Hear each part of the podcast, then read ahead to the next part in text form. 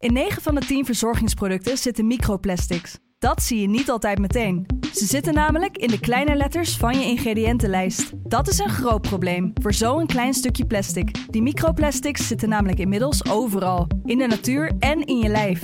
Gelukkig zijn er ook merken die gewoon microplastic vrij zijn. Want dat het anders kan, dat weten we bij Beleda, Lekker Company, Marcel's Green Soap, Naïef, Smaal en Witlof wel. Dus check de kleine letters. Die hebben de grootste impact. Ze zijn jong, zijn nog jong. En hun harten liggen op hun tong. Altijd alert, erg alert. Hun mening eindelijk ongefilterd. Dit is Ongefilterd met Kitty en Elif. Hallo. Wat leuk. Inkoor. Vandaag hebben we bij Ongefilterd met Kitty en Elif zoveel ergernissen te bespreken dat we ons afvragen of we wel aan ons hoofdthema gaan toekomen. Maar dat hoofdthema is uh, grenzeloze dierenliefde, die wij allebei voelen. En voor veel mensen zijn in onze moderne maatschappij huisdieren een soort kinderen geworden. En hoe komt het eigenlijk dat we zo verknocht zijn geraakt en verknocht kunnen raken aan een hond, een kat of een cavia? En hoe ingrijpend is het als zo'n uh, gezinslid wegvalt? Uh, ik kreeg er laatst bijna mee te maken. Dat ga ik, daar ga zo ook uitgebreid over vertellen. en we gaan het vragen aan de antropologe Danielle Brown. En verder laten we ons deze keer weer een keertje ouderwets mensplenen. Heb je daar zin in, Elif? Altijd. Ja. Ja, dus links lekkerder dan lekker gemensplained worden. Precies. Ja. En daarvoor hebben we strafrechtadvocaat Rafael Scheudering. En die eh, komt ons vertellen hoe het ervoor staat met de zaak van de eeuw. Namelijk topadvocaat Ines Wesky, die nog steeds vastzit... omdat ze informatie zou hebben doorgespeeld aan haar cliënt Ridwan Taghoed. Ridwan Taghi. Moeilijk hè, die buitenlandse namen. Ja, dat is echt zo exotisch. Eerst ergernis. Shoot. Oké, wat gaat er door je heen op het moment dat jij een mail ontvangt met een datumprikker erin? Ik vind als je um, iets plant met mensen en niet eens zoveel mensen en er moet een datumprikker aan te pas komen, dan vind ik echt een red flag. Ja, 100% eens. Het is anders met dingen als een baby shower of zo, wat toch al iets heel naars heeft. Elif, dus dan... daar gaan we niet heen. Dus. Jij niet. Ik in principe ook niet. Ik ben één keer op een digitale baby shower geweest, maar dat heb ik al een keer verteld. Maar als het iets is wat niet heel, uh, heel veel gewicht bij zich draagt. En je hebt een datumprikker nodig. Sommige mensen die plannen volgens mij al hun afspraken met datumprikkers. Dan ben je gewoon echt een fucking psychopaat. Ja, ik ben het helemaal eens. Nou, we hebben dus een gezamenlijke ergernis, want wij uh, waren een soort van een nieuw clubje begonnen. Dat was niet mijn initiatief, maar ik vertelde mensen over een ander clubje wat ik had. En toen zeiden ze van, laten wij ook een clubje doen. En daar waren ze heel enthousiast over. En toen was mijn idee dat iedereen dan één iemand zou introduceren. Ik heb jou geïntroduceerd, uiteraard, mijn wederhelft. En ik heb dus van tevoren gezegd, ik vind het prima om deze club op te zetten. Maar één ding, er mogen alleen mensen bij die geen afhakers zijn. Dus die niet op het laatste moment gaan afhaken. Want daar zijn er gigantisch veel van. Daar gaat elk leuk initiatief aan ten onder. Mhm. En ten tweede moeten mensen zijn die kunnen. Er zijn heel veel mensen die kunnen nooit. Omdat ze hele zogenaamde super drukke agenda's hebben.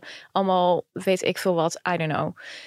Heel vermoeiend. Dus Ja. wij zaten in een nieuw clubje met een appgroepje. En het lukte niet om een datum te plannen. We hadden al een datum. Ik had van tevoren al een datum gezegd. Met dat bericht van deze twee dingen zijn nodig voor mensen die erbij komen. Uiteindelijk was de groep compleet. Toen vervolgens.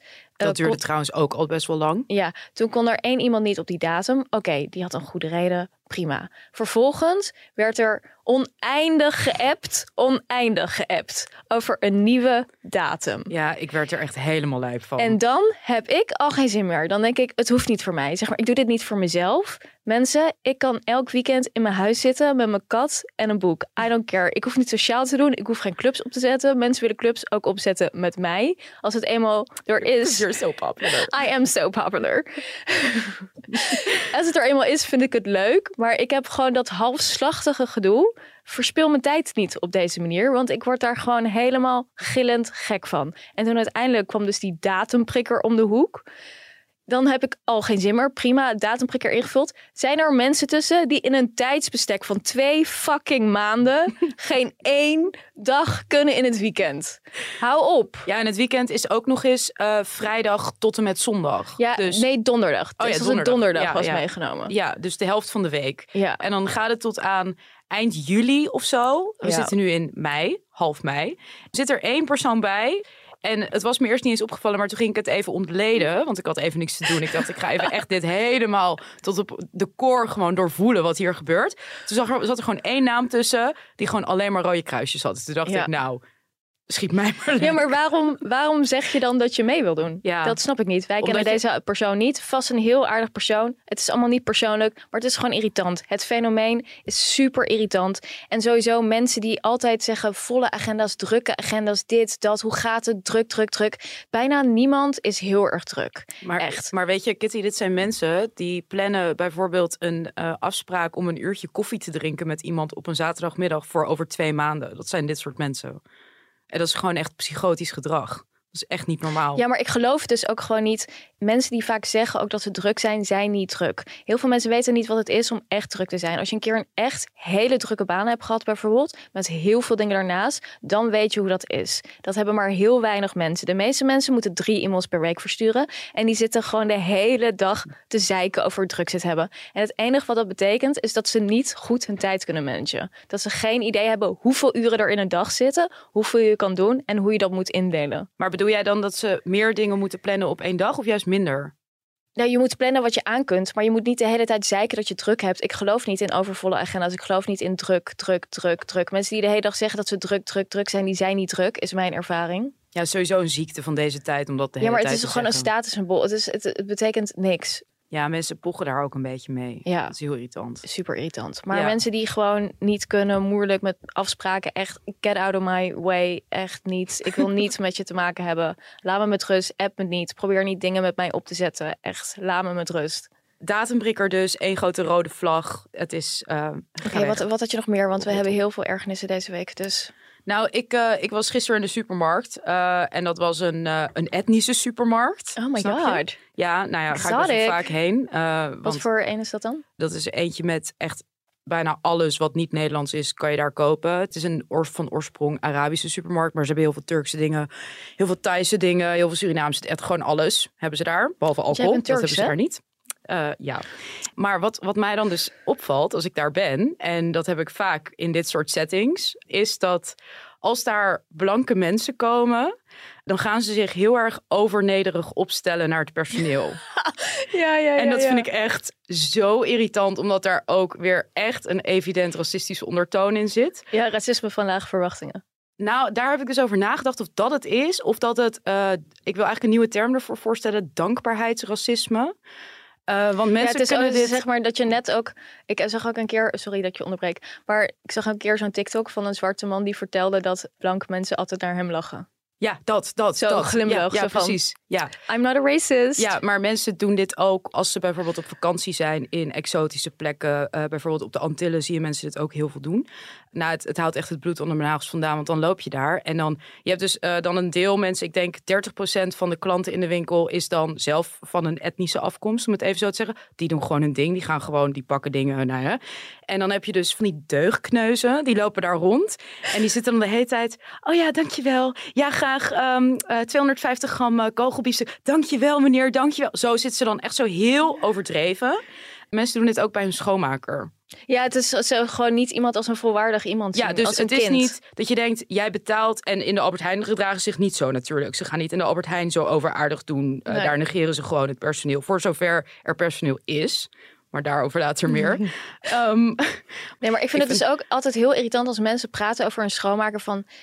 Ja, ik vind dat dan echt zo moeilijk, want dat durf ik dan niet te zeggen dat hij dan, uh, Iets of hij dan dit. Gedaan. Ja, dan denk ik, waarom niet? Ja. Ik bedoel, je hoeft hem niet uit te kafferen. Je kunt gewoon zeggen: hey, uh, zou je volgende keer uh, dit of dat? Maar er zit inderdaad echt zoiets in alsof het iets heel. Terwijl zij maken dan iets heel gênants, alsof zijn beroep iets heel ergs, is. Ja, ja, ja, ja. Net zoals van, bijvoorbeeld ik ben geen met... slavendrijver hoor. Ja. Dat zit er dan achter. Terwijl Ja. ik denk, je betaalt iemand in principe om deze dienst af te nemen. Ja, dus... en je kunt gewoon op een normale manier zeggen hoe je dat wil, ja of nee. Ja, Toch? Ja, Net, dit heb je ook bijvoorbeeld in de horeca. Kunnen mensen dit ook hebben van... Ja, nee, nee, nee, nee, nee, nee, nee, nee. Vraag maar niet hoor. Nee, die mensen werken al zo hard of zo. ja, het het is, niet gewoon hun mensen baan. Hier, mensen hier in de horeca krijgen ook gewoon, maar ik weet niet of ik dit mag zeggen, maar die krijgen gewoon prima betaald, toch? Nou, dat weet ik niet. Tegenwoordig, volgens mij...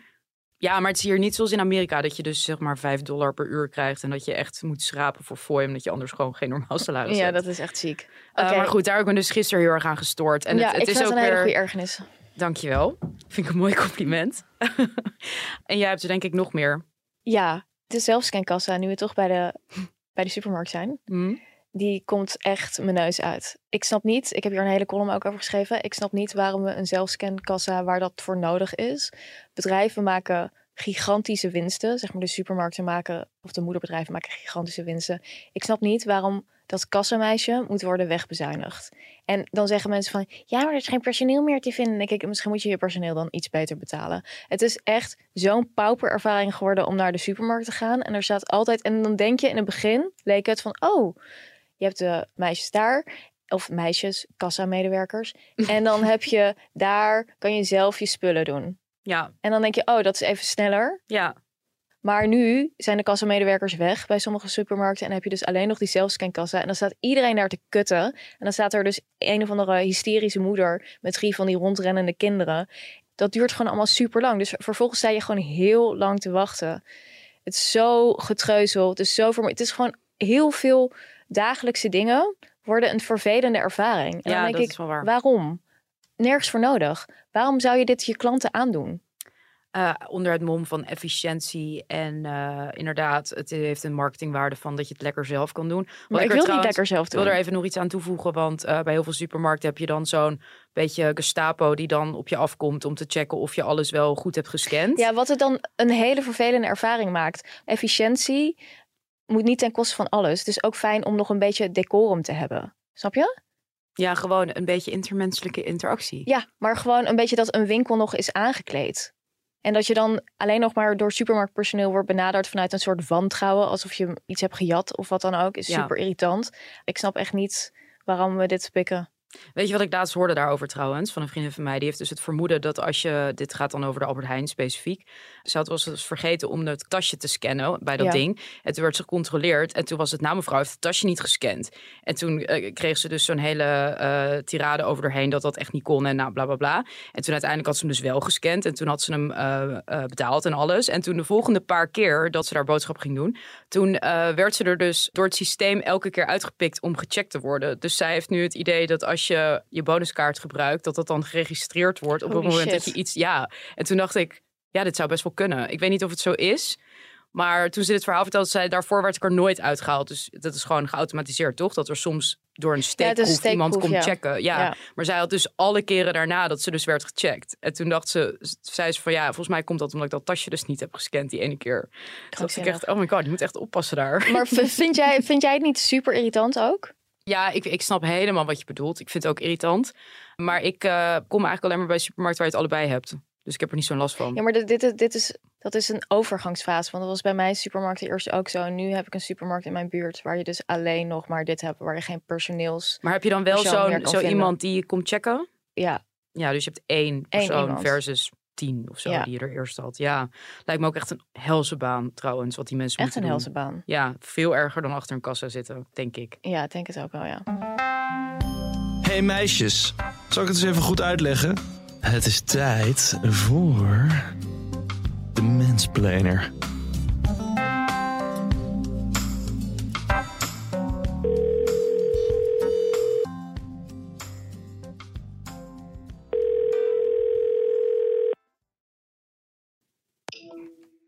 Met Rafael. Hallo Rafael, met eh, Kitty en Elif. Hallo. Goedemiddag. Ja, we bellen jou even, want ehm, we willen graag uh, worden. Over Ja, de zaak dan, eh, van de eeuw. Dan ben je bij mij aan het juiste adres. Heerlijk. Ja, wat moeten we weten? Waarom is dit zo ehm, bizar eigenlijk wat we meemaken dat uh, Ines Wesky is gearresteerd en nog steeds uh, vastzit en de verdenking. Ehm, nou, in de eerste plaats gebeurt het niet zo heel erg vaak dat er advocaten worden aangehouden. Dat maakt het natuurlijk wel bijzonder.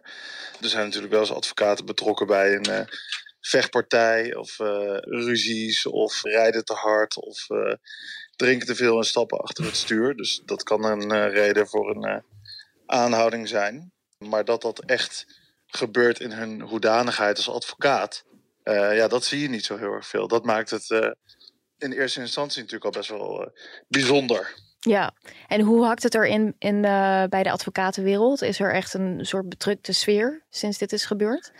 Nou, bedrukte sfeer is misschien wat overdreven, maar het is wel iedere keer dat je iemand tegenkomt, en dat was natuurlijk de, naam de eerste paar weken was dat zo. Uh, ja, dan kijk je elkaar wel aan en zeggen: Goh, wat bizar wat er is gebeurd. Hoe voelt Ines Wesky zich nu? Kan je daar iets van uh, ja, beschrijven? Ik heb echt geen idee.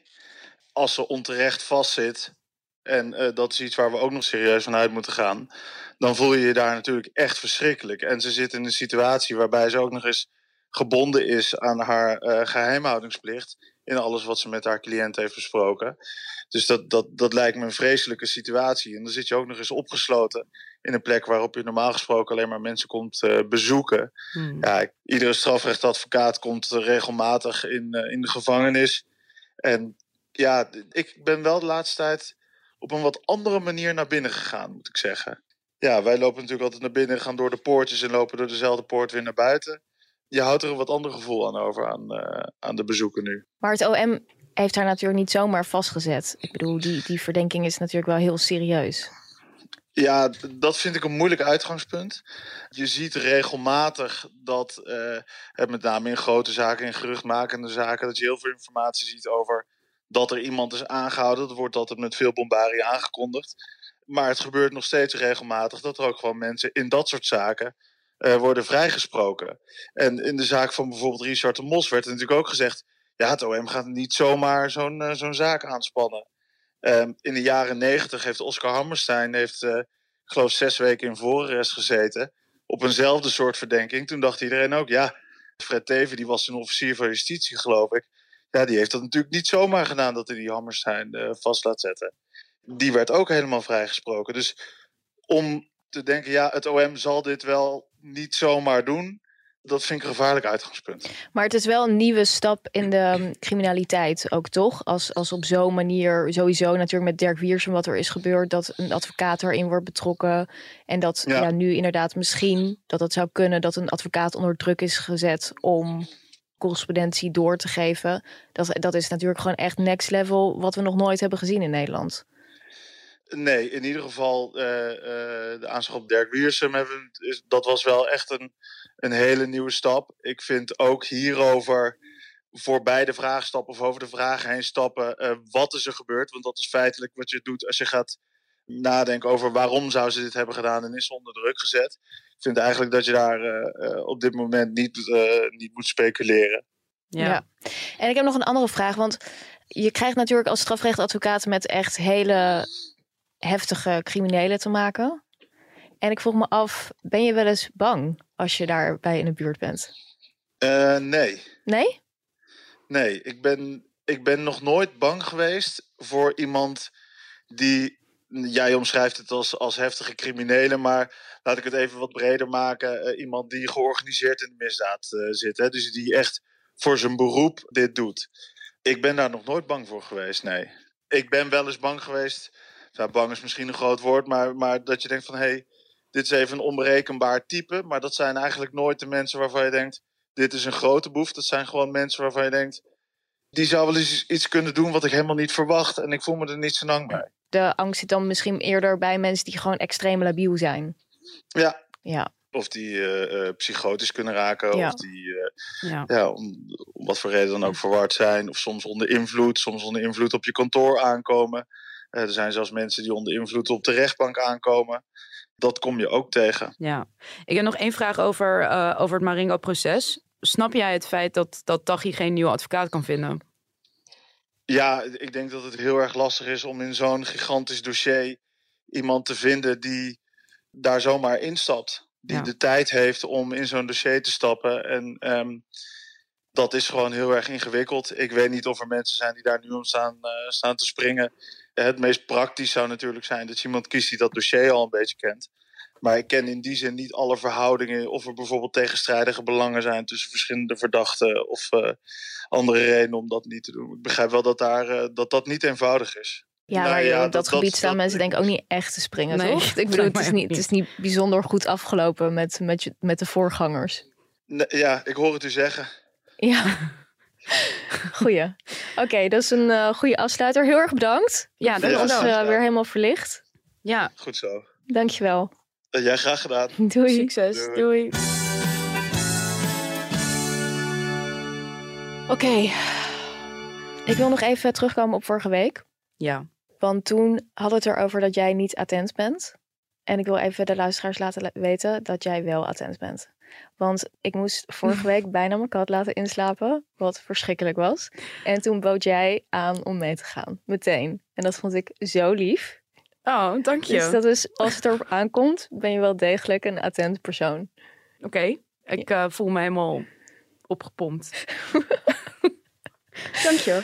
Het aanstaande sterven van je kat is niet, ook niet echt niks of zo. Ja, ik heb een kat. Ik weet niet of ik ooit verteld heb in de podcast over mijn kat. Ik, ik denk het eigenlijk heel niet. erg. Nee, ik denk het ook niet. wat, ehm, wat, echt raar is, want je hebt het best vaak over je kat. Ja, I love her. Mensen die me misschien volgen op Instagram zien wel foto's van mijn kat. Af en toe. Ik probeer te doseren. Het liefst zou ik gewoon zo'n... Je vindt het niet goed voor je imago, hè? Dat je een mm. kattenvrouwtje bent. Ik ben een kattenvrouwtje. Ja. Ik geef dat 100% toe. Ik ook hoor. Ik hou echt heel veel van mijn kat. En daarom was het zo heftig. Ja, mijn kat is eh, de allerschattigste kat die je ooit hebt gezien. Elif knikt, omdat zij weet dat het waar is. Nou, ik, nee, sorry, ik wist niet wat je ging zeggen. Dat vind ik natuurlijk niet, want dat vind ik van mijn eigen kat. Maar, ja. maar jij vindt haar ook heel lief. Ja. Iedereen die haar ontmoet, vindt haar heel schattig. Echt heel schattig. Ze is totaal onschuldig en niet gemaakt voor wereld. Toen ik haar kreeg, was ze al acht, want ze is van mijn zus geweest. En ze kon niet meer bij mijn zus wonen, omdat mijn zus een kind kreeg. En Bill, Billy, mijn lieve kat, heeft een hekel aan kinderen. wat, wat goed. Dat, dat, in dat opzicht is ze dan maar niet zo onschuldig. Nee, maar het is dus niet dat ze die kinderen gaat aanvallen. Ze ging gewoon depressief achter de plant zitten. En at niet meer. Wat echt heel bizar is, want mijn kat houdt heel erg van eten. Hongerstaking. Ja, ze ging in hongerstaking. Dus ze werd depressief. En toen heb ik haar genomen. Zo is ze bij me gekomen. En ze is heel onschuldig. Ze haalt nooit uit. Ze bijt nooit. Ze is een totale pacifist. En ze is dus ook een beetje zielig, want er, ze heeft allerlei kwaaltjes. En dat heeft ze altijd al gehad. En ze is ook mank en zo. Maar het was nu dus heel erg geworden. En toen ging naar de dierenarts. En toen was het dus, dat zag ik helemaal niet aankomen. Toen zei ze, ja, je moet haar laten inslapen. Nou, dat was een groot drama natuurlijk, want dat zag ik niet aankomen. Uiteindelijk is er toch weer wonder boven wonder opgekrabbeld met wat flinke prednison shots. En uh, nu gaat het eigenlijk weer een stuk beter. Nu is ze weer blij en ze eet weer en ze is lekker aan het spelen en zo. Dus ze is happy. Maar het komt wel even dichtbij dat haar leven eindig is. Ja. Mensen die geen huisdieren hebben, die snappen dit niet. Maar je raakt heel erg gehecht aan een huisdier. Als je dag in, dag uit met een huisdier spendeert, dan heb je gewoon helemaal een soort routine met zo'n beest. Je bent ook gewoon best wel op elkaar ingespeeld. Maar mijn kat, ze slaapt ook bij mij in bed. Ja, ik ben een kattenvrouwtje, I know. Als ik ochtends wakker word, dan is zij soms al wakker en dan blijft ze in bed liggen tot ik opsta. En dan ga ik naar de wc, ga ik even plassen. Dan wacht ze voor de deur tot klaar ben met plassen. En dan lopen we samen naar de keuken en dan geef ik haar eten. Zeg maar zo'n hele... Dat is toch super cute? Ja. Ja, dus dat, dat soort dingen is zeg maar toch in dag uit je bent zo'n beest, dus je raakt gewoon super gehecht aan zo'n beest. Dus het is echt heel heftig als zo'n beest opeens dan niet meer in je huis is. Dus ze moest even opgenomen worden bij de dierenarts. En toen kwam ik ook thuis en toen was ze er niet. En dat was zo raar. Dus ik had echt even, het was goed om een confrontatie te hebben van dat ze sterfelijk is. Want daar moet je aan wennen. En uh, ik wil natuurlijk ook niet dat ze onnodig lijdt. Maar toen moest ik wel denken aan dierenliefde en hoeveel dat voor mensen betekent. En als je dan met mensen erover hebt. En ook mensen die kinderen hebben, die zeggen dus van ja, het is echt een soort kind. Het is een ander soort kind, maar het is wel een kind. Oh, mensen die kinderen hebben en een dier, die zeggen wel, erkennen wel dat een dier ook een kind is. Ja. Oh, echt? Ja. Oh, dat heb ik nog nooit ik iemand laatst Ik vind mensen met kinderen juist heel hooghartig doen altijd over. Nee, ik sprak laatst een hele stoere man. Uh, zeg maar iemand die er heel stoer uitziet. En die had het er dus over dat dat hij zijn hond moest laten inslapen twee jaar geleden. En dat hij daar super veel last van had gehad. Echt heel veel last van had gehad. En die had ook kinderen en die zei, ja, het is toch een, het is ook een soort kind. Het is een ander soort kind, maar het is wel echt een gezinslid. Toen dacht ik, ja, dit is hoe gehecht mensen raken aan hun dieren. Het is gewoon heel heftig. Ja, natuurlijk. Het is ook een kind. Je moet er ook voor zorgen. En het is veel minder gedoe dan een kind, uiteindelijk. Ja, maar niet als ze, als ze ziek zijn, is het verschrikkelijk. Want dan, dan is het echt 24-7 care. Ja, maar wat vind jij dan van mensen die eh, hun, hun dier... Want sommige mensen gaan daar ook heel koelbloedig mee om, juist. Zo van, ja, ik ga niet, eh, weet ik veel, zoveel duizend euro betalen voor een, eh, voor, weet ik veel, een levensreddend iets of zo. Ik vind dat altijd echt onbegrijpelijk. Nou, ik, ik heb het afgelopen half jaar denk ik 700 euro aan dierenartskosten gemaakt. Waar heel vaak niks uitkwam. En nu was het ook van, ja, je kan nog een CAT-scan laten maken. En weet ik veel wat, voor weer 1000 euro, weer een nieuw traject. Toen dacht ik wel even van, nou, ik laat het heel even voor wat het is. Maar niet vanwege het geld, toch? Meer vanwege het, de lijdensweg van haar. Nou, meer van dat je ook afweegt van kwaliteit. mijn, mijn dierenarts. Dierenarts zijn de allerliefste mensen op de wereld. Had het over een katwaardig bestaan. dat we daarover moesten nadenken, over de afweging. Dus nu gaat het gewoon goed weer met de medicijnen. Maar ik ga niet met een kat die bijna 13 is nog een heel medisch traject in, wat nog duizenden euro's kost. Ik ga geen, want het is dus waarschijnlijk iets neurologisch bij haar. Als ik dat soort onderzoeken laat doen, dan betekent dat ook weer dat je, ehm, geloof ik, eh, ja, ik ga niet meer mijn kat laten bestralen. Dat is geen katwaardig bestaan. Of een hersenoperatie doen bij een kat. Dus... Ja, maar dan gaat het dus over katwaardig bestaan. Maar ja, het maar het niet- gaat ook wel over op een gegeven moment of je oneindig geld in een bejaarde kat blijft steken. Acht is niet bejaard, Kitty. Ze is niet acht, ze is bijna dertien. Oh ja, sorry. Oh, ik dacht dat je zei acht. Ja. In mijn hoofd blijft zij altijd acht. Want zoals acht toen je er kreeg. Sorry. Ja. Maar ehm, dus ja, daar zit wel een afweging in natuurlijk. Maar ja, dat zit er bij mensen ook. ja, iemand van 85 krijgt ook geen nieuwe heup meer. Ja, oké. Nee, ja, Nederland niet. Nee. In veel andere landen wel. Ja? Ja. Sick. Oké, maar we gaan het er even, want jij hebt ook een kat. Ja, nou, een parttime kat. Moet ik erbij zeggen. Want hij, is niet, hij woont niet bij mij, as you know. Bij je ouders. Ja, Oké, dus maar, hij is niet echt van mij. maar herken je dat van dat je zo gehecht bent aan zo'n beest? Ja, heel erg. Ja. Maar ik heb dat vooral met mijn vorige kat. Die is overleden toen ik eh, 21 was of zo. Nou, misschien nog iets jonger zelfs. Toen was ik op vakantie en toen is die ingeslapen terwijl ik op vakantie was. En dat vond ik echt zo erg. Dat vond ik echt, echt heel erg. Het ging Dat je ook... geen afscheid had kunnen nemen. Ja, Ja, dat was nu ook met Bill. Daarom was ik zo blij dat ik haar nog mee naar huis kon nemen. Want dan had ik me ingesteld van... oké, je moet haar alsnog laten inslapen. Dat was eigenlijk het idee. Maar dan heb ik haar nog een paar dagen bij me. En Ja. dan kan ik nog voor haar zorgen. En daar nog door veel volproppen. ja, door lekkerse maaltjes geven en zo. Maar dat lijkt me ook heel raar. Want dan zit je de hele tijd in een soort... Oké, vrijdag... ja, maar ik had daar wel vrede mee. En uiteindelijk knapte ze opeens weer op. Dus dat was heel fijn. Maar ik Ja. had daar wel vrede mee van... oké, ja goed, een kat leeft nou eenmaal niet voor altijd. En ik wil niet dat ze pijn heeft. Ja. Dus Ehm, ik ben heel benieuwd hoe mensen de rouw doormaken van een eh, dier. En of dat vergelijkbaar is met de rouw die je hebt van mensen. ja, laten we even onze antropologe bellen, Danielle Ja. Brown. Dit is de receptie van Ongefilterd met Kitty en Elif. Ik verbind u door. Met Danielle Brouw. Hi Danielle met eh, Kitty en Elif. Hi. Hey, hallo. We wilden meteen van jou weten, eh, heb jij zelf een huisdier? Ja, ik heb een konijn. Ik heb al Oh. jaren konijn. Ik heb een heel leuk konijn. Die loopt los door huis en in de tuin. Ja, Hoe heet die? Of zij? Pip. Pip. Pip, het is een zij. Leuk. En ik heb een hysterische grote algeëter in het aquarium. En die voelt ook als huisdier. Oh ja? Ja. Aaien die ook. ik voer hem komkommerstukjes. Ja, we waren eigenlijk benieuwd. Hoe kan het dat mensen zo, eh, zo eh, gehecht raken aan ehm, hun dieren? Want ik moest laatst bijna mijn kat laten inslapen. Nou, je kunt je voorstellen dat het een groot drama was in mijn leven. Ik heb meerdere vrienden huilend opgebeld. Ehm, Nou, Ja. ja. eh, uiteindelijk viel het allemaal mee. Dus daar was ik heel blij mee. Maar ja, is dat normaal om zo verknocht te zijn naar je huisdier? het is wel een beetje gek. Nee, het is, het is heel erg eh, het is heel normaal. Heel veel mensen hebben een enorme goede band met, eh, met dieren. En het is eigenlijk veel gekker dat we niet eh, zo'n goede band met dieren hebben. In de zin dat we ze in de bio-industrie allemaal vreselijke dingen aandoen en zo.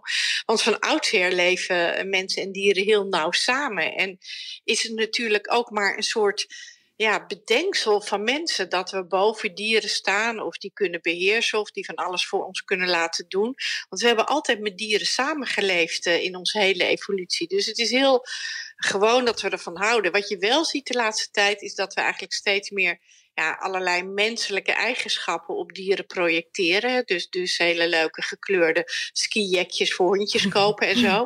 En dat is wel een beetje een gek ding van deze tijd. Dus dat we van dieren mensen proberen te maken, is wel een beetje een, eh, een nieuw dingetje. Maar blijkt wel uit uh, wetenschappelijk onderzoek toch steeds meer dat dieren best wel complexe emoties ook hebben?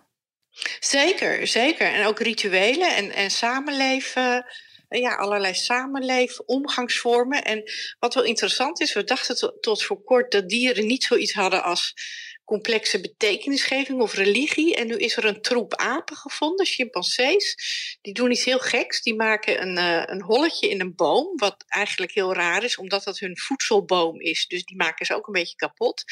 En als het dan omweert, dan stapelen ze er steentjes in op en dan gaan ze een soort van ervoor zitten uh, grommen. En dat, ja, biologen kunnen het nog niet verklaren, want het heeft geen ja, ecologisch functioneel nut, maar het lijkt toch of ze een soort van bidden of zoiets. Dus misschien uh, hebben dieren niet alleen complexe emoties, maar hebben ze ook nog wel een soort hogere zingeving die wij eigenlijk nog helemaal niet zo goed begrijpen. Oké, okay, dat vind ik wel een heftig uh, iets, dat wist ik niet.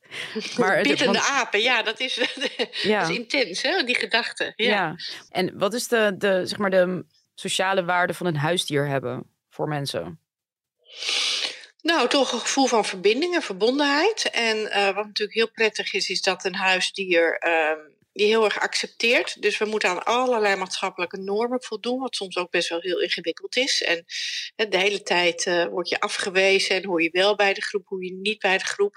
En het mooie van dieren is voor heel veel mensen dat zo'n dier ja, eigenlijk heel weinig oordeel heeft. En je altijd leuk vindt als je thuis komt. dat klopt bij mijn gaat, kat. Gaat dat ze geen oordeel heeft. Ze heeft heel veel oordeel. Nee, ja. had je een oordelende kat? Ja, ik vind katten best wel judgmental. Ik vind niet dat je onvoorwaardelijke liefde krijgt van een kat. Nee, dat, dat is Katten zijn wel anders dan honden in die zin. Hè? Die gaan meer hun eigen gang. Dus dat, dat is zo. Maar je kunt er natuurlijk eindeloos mee, mee knuffelen en, en voor zorgen. Hè? Heel veel mensen zijn ook verzorgend. Dat kan je niet altijd per se voor een ander mens doen. Nee. En um, het rouwproces, is dat, is dat vergelijkbaar met het verliezen van een dierbare?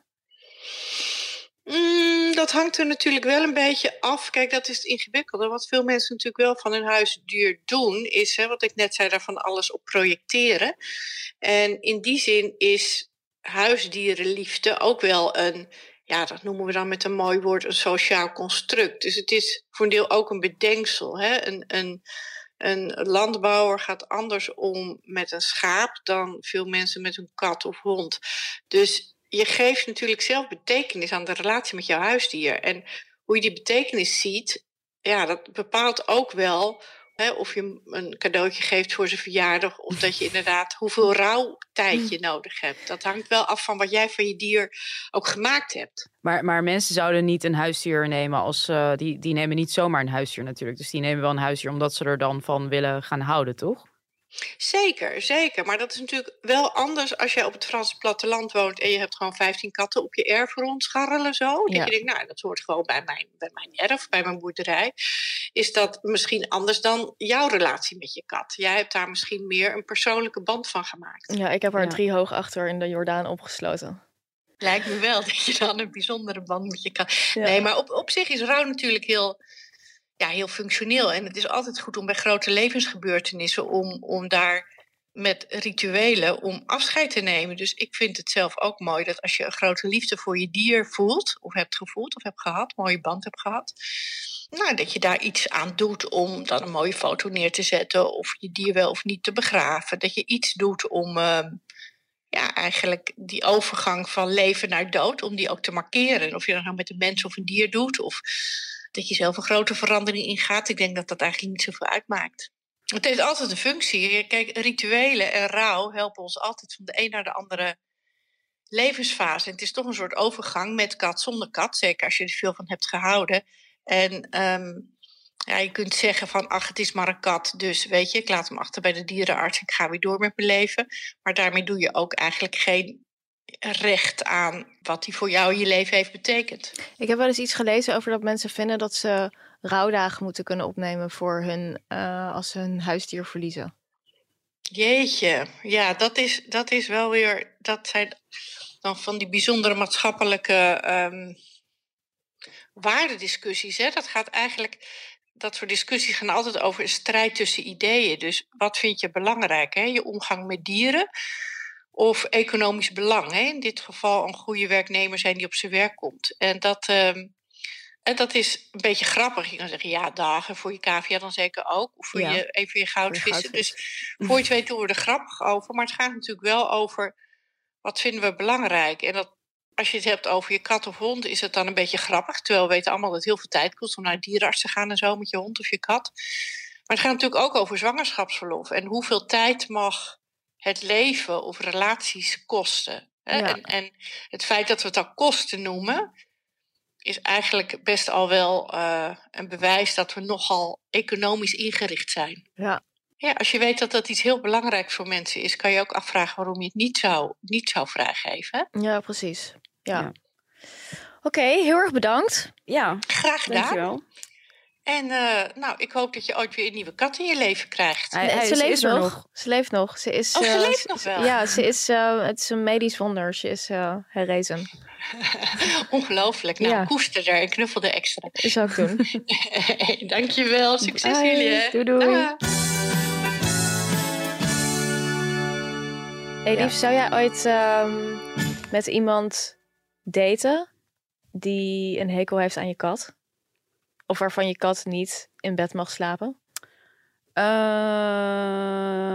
nee, denk het niet. Jij? Mm, nee. Sowieso... Ja, waarvan je kat niet in bed mag slapen, vind ik wel weer iets anders dan een hekel hebben aan de kat. Vind je niet? Um... Jij bent heel erg van je kat in bed laten slapen. Ik vind het ook wel leuk, alleen maar ik vind het ook wel heel vies, irritant. Want mijn kat is nee, maar het gaat niet om vies. Het is, hij neemt superveel ruimte in en je kan niet bewegen. En dat vind ik gewoon heel irritant. Dus dan heb ik ook al heel snel zoiets van, ja, tief dan ook maar op ook. Ja, ik, dan gaat hij op je liggen en dan lig je een soort van frozen en dan kan je niet meer je omdraaien en zo. En dat, dat dan, ik voel me dan echt heel erg verstikt door die kat. En dat al terwijl je al co-ouderschap doet. Ja, ik heb het even over een kat in het algemeen. Dus de kat die dan op je komt liggen. Ja, ik Wat heb wel sowieso... heel leuk is, maar ook wel heel beperkend. Ik heb sowieso een theorie, namelijk dat mannen die katten haten, vrouwenhaters zijn. Ja, dat heb je vaker gezegd, ja. Ik weet niet of ik het al in deze podcast heb gezet, maar ik ben hier 100% van overtuigd. Dit voel ik intuïtief aan, dat mannen die niet van katten houden, niet echt van vrouwen houden. Omdat een kat eigenlijk ook een verpersoonlijking is van de goede eigenschappen van een vrouw. De goede, niet de slechte. Ja, en het gaat heel erg over controle. Dus ik vind mannen die niet van katten houden, vind ik echt een red flag. Want het is dat je niet iets kan liefhebben waar je niet totale controle over hebt. Zoals een oh ja, dat is wel een goed punt. Ja, dat is een goed punt. Dus als ze wel van honden houden, maar niet van katten, dat is ja, nog een extra het gaat meer over. Het kan dat je niet heel dol op bent op katten, maar een echt een hekel hebben aan katten, dat vind ik echt een red flag. Sowieso vind ik het een red flag als mensen een hekel hebben aan dieren in het algemeen. Ja, Maar inderdaad, bij mannen, want ja, ik snap wat je zegt over controle. Ja, want eh, de meeste mensen vinden honden wel leuk. Dat zeggen ze ook altijd. Ja, want die is tenminste altijd blij mee te zien. Denk ik echt, het is echt een soort prostitutierelatie die je dan ja met maar dat het is ook beest hebt. vreselijk. Ik vind, ik vind honden met karakter zijn leuk. Ik had ooit een super arrogante tackle, hadden wij. Die was fantastisch, want die Dat had was ook- gewoon een kat dus. Ja, dat was eigenlijk een kat. Maar tackles hebben dat heel vaak. Dus die was heel selectief in wie die leuk vond. En hij vond mij leuk, obviously. Hij wilde ook met bepaalde mensen wilde die niet wandelen. Daar wilde die gewoon niet mee gezien worden. Het was zo'n vet beest. Echt niet normaal. Wat was de naam? Basje heette die. Dat was ook echt zo'n rastekkel. Hij was echt super knap. Ja. Oké, nou genoeg over dierenliefde. ja, we gaan nu even het hebben Ik ga over wel, iets in juli ga ik wel eh Bill haar verjaardag vieren. You are invited. Leuk. Ja. Hoe moet ik dit voor me zien? alleen mensen mogen komen die ehm, heel veel van haar houden. Dus my closest friends, eh, jij ehm, en een paar andere mensen. En, Maar, ook gaan weer we niet te veel. Eh, gewoon een verjaardagsfeestje. Ga- gaan we dan ook zingen en zo? Ik weet niet of ze zich laat zien die dag, want ze is een beetje schuw. Maar Oké, nou leuk, leuk feestje. er mogen ook cadeaus worden gebracht. Oké, nou zin in.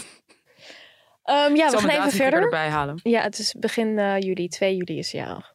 13 wordt ze. Ongelukkig getal. Daarom extra groot feest. H-E-L-D-I-N. Heldin van de week. Genoeg um, gebitcht over dingen. Laten we even een positief dingetje doen. We hebben een heldin van de week. En Ja. een onverwachte. Uit onverwachte hoek, ja. Uit onverwachte Het hoek. is namelijk eh Sigrid Kaag. Vertel, Elif, waarom wil jij haar eh, als heldin van de week? Ik wil haar even in het zonnetje zetten. Ja, Ehm, er was afgelopen eh, zaterdag was er een D66-congres. En dat werd verstoord. Op een gegeven moment, haar speech werd verstoord door een activist. Die ehm, eh, een heel verhaal hield over dat het genderneutrale wc's, eh, dat er dan dus mannen op de vrouwen-wc's komen. En eh, dat vrouwen daardoor in gevaar komen. Nou, ik zie trouwens echt nooit een genderneutrale wc. Nou, hier heb je er eentje hier beneden, joh. Bij de Telegraaf. Ik ging net naar de wc. Weet je wat het, eh, het icoon is van de wc hier? Dat is dus niet een mannetje of een vrouwtje, maar dat is een wc-pot.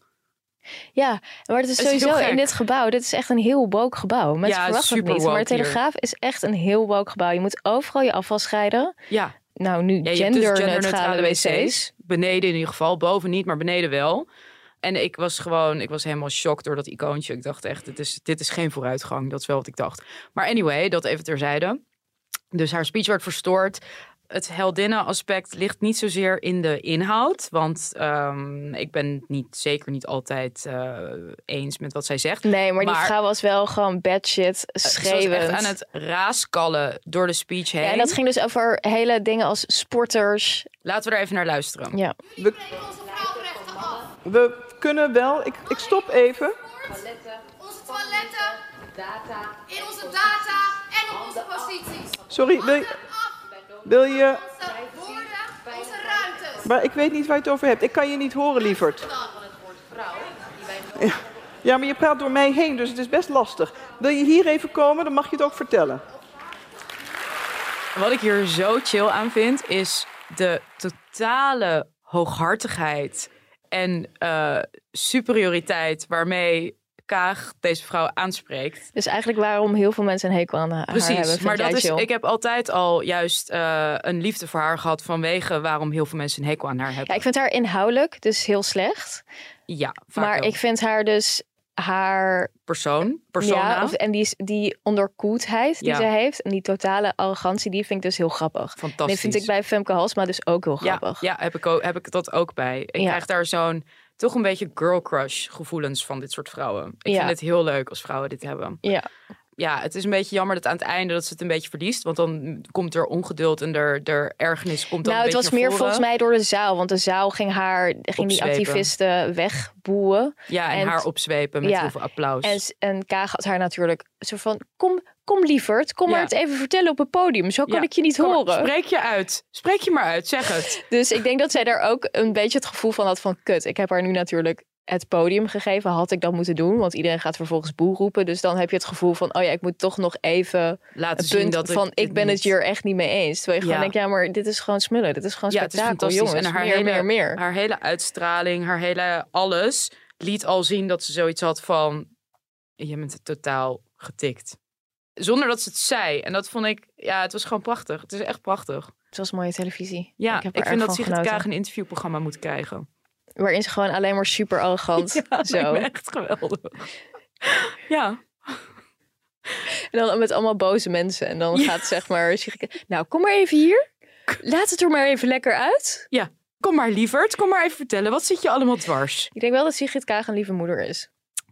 Ja, daar durf ik geen uitspraak over te doen. Daar ken ik er niet goed Ja, als ik haar zo voor. zag, ik vond het heel moederlijk. Ja, maar ook wel een beetje... Ja, goed. Ik weet niet of ik haar graag als moeder zou hebben. Maar dat is dan weer iets anders. Oké.